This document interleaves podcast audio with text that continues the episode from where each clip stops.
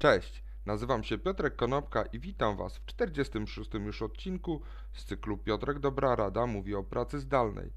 Dzisiaj powiem kilka słów na temat tego, co naukowcy zdążyli już określić mianem Zoom Fatigue Syndrome, czyli syndrom zdalnego zmęczenia.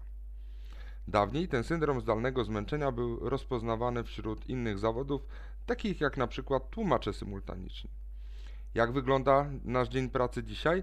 Siadamy do komputera, odpalamy mail, sprawdzenie Facebooka, kolejny mail. Nadchodzi czas telekonferencji, odpalamy Zooma, siadamy przed kamerką i patrzymy się albo w kamerkę, patrzymy się być może trochę w bok na naszych współrozmówców, tak jak ja teraz.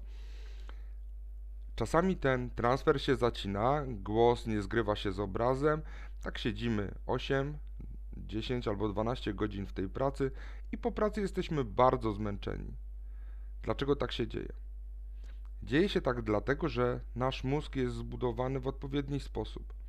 Mamy jeden ośrodek, który analizuje tylko i wyłącznie twarz. Drugi z ośrodków, które mamy w mózgu, analizuje nasze intencje, patrząc wyłącznie na mimikę. I teraz, jeżeli nie patrzymy się bezpośrednio w kamerkę, ale patrzymy się na ekran, na twarze swoich rozmówców, oni widzą, że uciekamy wzrokiem.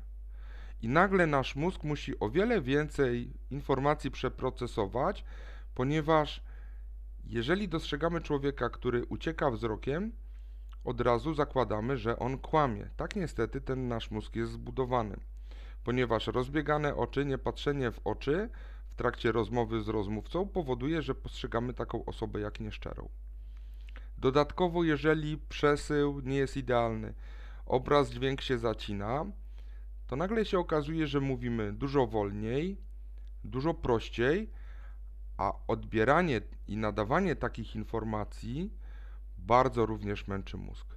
Także pomyślcie o tym, że patrzenie w kamerkę i patrzenie na rozmówcę to są dwie różne rzeczy, które mogą bardzo nas męczyć.